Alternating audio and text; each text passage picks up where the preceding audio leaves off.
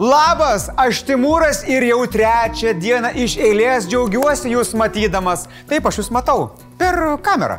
Šiandien tiek žinių apie pagaliau atskleistas naujų ministrų kandidatūras ir tai sukėlusias aistras, lovų stygių ligoninėse ir paramą verslui. Važiuojam.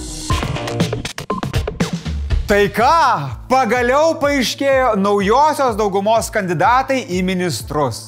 Liberalai nebuvo originalus ir delegavo iš karto du Simonus Gentvilą į aplinkos ministeriją ir Kairį į kultūros. Laisvės partija pasėmė tris pozicijas - Aušinė Armonaitė ekonomikos ir inovacijų ministerija, Kasparas Adomaitis susisiekimo ministerija, Evelina Dobrovolska teisingumo ministerija. Ir žinoma, daugiausiai kėdžių, net aštuonios atiteko konservatoriams. Į energetikos ministrus deleguotas praeitie viešuosius ir privačius interesus supanijos Dainius Kreivys, finansus valdys Gintarė Skaistė, krašto apsauga pasirūpins Arvidas Anu. Anušauskas. Socialinės apsaugos ir darbo ministre galimai bus Monika Navickienė. Veryga pakeis Arūnas Dulkys. Už švietimą, mokslą ir sportą bus atsakinga Jurgita Šiukždienė. Vietoj Tamašūninės VRM vadovaus Agne Bilotaitė. Įdomu, ar irgi reikalaus apsauginių atsistot, išitemt? Na, o Lina Linkevičių užsienio reikalų ministerijoje pakeis Gabrielius Landsbergis arogantiškiausias Seimo narys į diplomatiškiausias pareigas. Ar jūsų pavardė tarp kandidatų ministrus yra? Mm, gali būti, kad ir yra. Įdomu, kaip Gabrielius planuoja derinti darbą urme ir frakcijos senino pareigas. Mm, kažko trūksta. Hebra, o kur dingo Žemės ūkio ministerija? Neradot nei vieno žmogaus gebančio atskirti zebrą nuo arklio, plūgą nuo dalgio ir negebančio patiliukais dirbti svetimą žemės? Truputėlį užtruko derinimas, tai yra vienintelė kandidatūra, kuri šiandien nėra įvardyjama. Apibendrinkim. Beveik pusė kandidatų į ministrus yra moteris. Taigi, norėčiau pasveikinti mūsų jauną demokratiją su beveik pasiektų lyčių balansų valdžioje. Bet manau, kad man šitame kabinete pavyko kartais pagerinti premjero skvernelio pasiektą rezultatą. Bet tai dar ne pabaiga. Pradžioje Seimas turi pritarti Ingridos Šimonytės kandidatūrai į premjerus ar premjerės, kaip čia reikia sakyti, nepripratom dar. Jeigu, arba gal geriau, kada tai nutiks, visi jos galimi ministrai turės sudalyvauti darbo pokalbėse su prezidentu.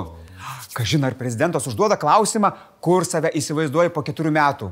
Jaučiu, visi tikisi būti įamžinti knygoje, bet dažnas būna tik ant lankstinuko. O ką apie 13 šimonytės draugų mano išeinanti valdžia? Premjeras Saulis Kvernelis pasistengė situaciją apibūdinti maksimaliai vaizdžiai. Tikrai manau, kad mano kolegija gerbima Ingrida yra drasi, labai drasi, labai labai labai drasi kolegija.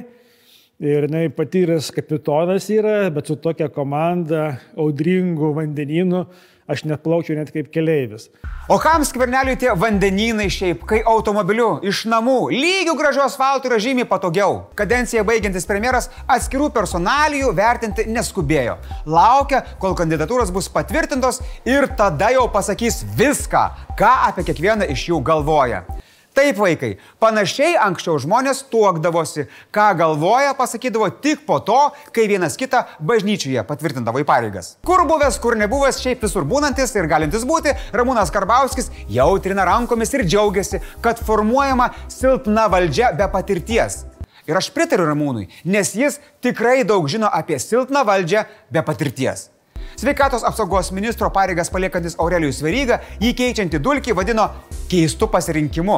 Jam pritarė ir dalis sveikatos apsaugos bendruomenės, kuris stebisi, kodėl buvo pasirinktas vadybininkas kažkoks, o ne medikas. Šimonytė paaiškino kodėl. Mano supratimu, sveikatos apsaugos ministrui nėra reikalinga ar nėra būtina mokėti, skirti vaistus, operuoti ir diagnozuoti lygas. Reikia labai gerai išmanyti sistemą, jos problemas. O štai profesorius Vytautas Kasiulevičius tokį pasirinkimą palaikė. Tačiau Veryga vis tiek perspėja, kad naujajam vadovui bus sunku, nes kojas apšilti laiko nebus. Tai ponai, koronavirusas jums ne žurnalistai, tokie pasteisinimai nepaeis. Tik nežinau, čia kaip grasinimą ar pagodą reikia interpretuoti. Na, o politologai ir visuomenės veikėjai būsimus ministrus vertina irgi ne vienareikšmiškai. Vieni teigia, kad naujas, jaunas kraujas nesugadintas sistemos yra labai gerai. Kiti abejoja, ar paveš naujoką valstybę ne pačiu lengviausiu laikotarpiu. Tai o ką manot jūs? Comment now, please. Ekspertai ir sveikatos apsaugos ministras labai, labai atsargiai kalbėjo, kad COVID situacija šalyje po truputį stabilizuojasi. Per pastarąją parą vėl nustatyta beveik 2000 susirgymų ir mirčių nuo COVID rekordas. Bet vis tiek gerai, kad prieš karantiną mieste patusins buvo spėta, ne? Gerų žinių vis mažiau. Pranešta, kad užimtos jau beveik visos COVID sergantiems ligonėms skirtos lovos Kaune, Klaipėdoje ir Vilniuje. Ir nors kai kur dar yra galimybė sergančiuosius paskirstyti ar atrasti papildomų vietų nepagrindinėse ligoninėse, baiminamasi, kad gali tekti steigti laikinąją ligoninę Litexpo parodų rūmose. Anot mero patarėjo Karolio Žukausko, pasiruošimai tokiam scenarijui jau vykdomi. O kodėl Litexpo čia bus čia ką, sergančiųjų kančių paroda bus COVID neigėjams? Gal.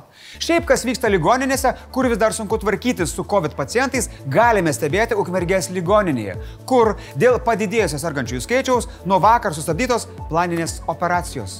Jaučiu pareigą duoti jums patarimų. Kaukės dėvėkite teisingai.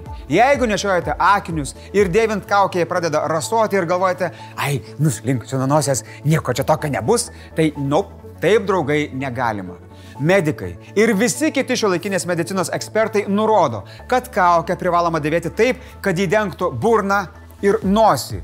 Kitu atveju, jei kaukę užsidengsite tik burną ar tik nosį, ar dar blogiau ant smakro nežiosite, iš jos nebus jokios naudos. Jeigu rasoja akiniai, yra specialaus skyščio saugančio stiklo nuo rasojimo. Easy. Atėjęs koronavirusas tapo grėsme ne tik mūsų gyvybėms tiesiogiai, bet ir verslui. Todėl ekonomikos ir inovacijų ministerija teikiant paramą siūlo atsisakyti viso sektoriaus vertinimo, kad parama pasinaudoti galėtų daugiau bendrovių. Kągi tai reiškia? Tai reiškia, kad pagalba siūloma skirti įmonėms apsiribojant tik jų apyvartos kritimu, fiksuojant tuos verslus, kurie patyrė 30 ar daugiau procentų apyvartos sumažėjimą. Tokių įmonių ministerijos skaičiavimu preliminariai yra apie 60 tūkstančių. Ministerija taip pat tvirtina, kad kitas kriterijus ribojamų veiklų sąrašas turėtų būti taikomas savarankiškai dirbantiems asmenims, tačiau siūlo jo nenaudoti skiriant subsidijos priemonės. Ekonomikos ir inovacijų viceministrė patikino, kad užtikrinant paramą verslams ministerija juda maksimaliu greičiu. O žinot, koks yra maksimalus ministerijos greitis? Nulis. Ką apie tai galvoja pretendentė į finansų ministrės kėdę? Anot jos, gavus ministro kėdę, jos pagrindiniais darbais taptų kitų metų biudžeto peržiūra ir lėšų skirimas nuo COVID-19 nukentėjusiam verslui. Na, gaila, kad koronavirusas naujais metais nesibaigia. Bet noriu tikėti, kad kai neteksime premjero, teigiančio, jog verslas neišgyvenantis be darbo mėnesį ar du yra blogas verslas, viskas pakryps į geresnę pusę. Pakentėkim, nedaug liko. Blitz naujienos. Vyriausybė trečiadienį pritarė sveikatos apsaugos ministerijos siūlymui įsigyti va tiek vakcinos nuo koronaviruso dozių iš jas kuriančių farmacijos kompanijų BioNTech ir Pfizer. Dėl audinėse aptikto mutavusio SARS-CoV-2 viruso Latvija uždraudė šių gyvūnų ir neapdorotųjų kailių importą. Mutavęs virusas aptiktas dar prieš keletą savaičių Danijoje. Šis savo ruoštų atsiprašė pasaulio. Kaip? Neguglinkit, neatmatysit. Vytauto didžiojo universitete įsteigta kadenciją baigusio prezidento Valdo Adamkaus vardo premija. Ji bus teikiama už nuopelnus aplinkosaugos srityje. Nominacijos 5000 eurų dydžio premijai bus priimamos nuo sausio, o jų įteikimas vyks birželio 5-ąją - Tartautinę aplinkos apsaugos dieną.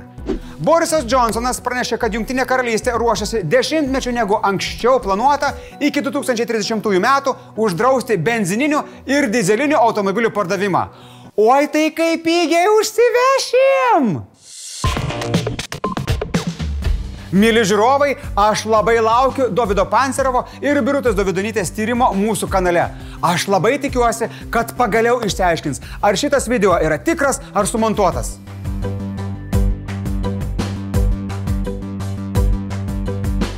Šiandien tiek žinių, iki rytojaus.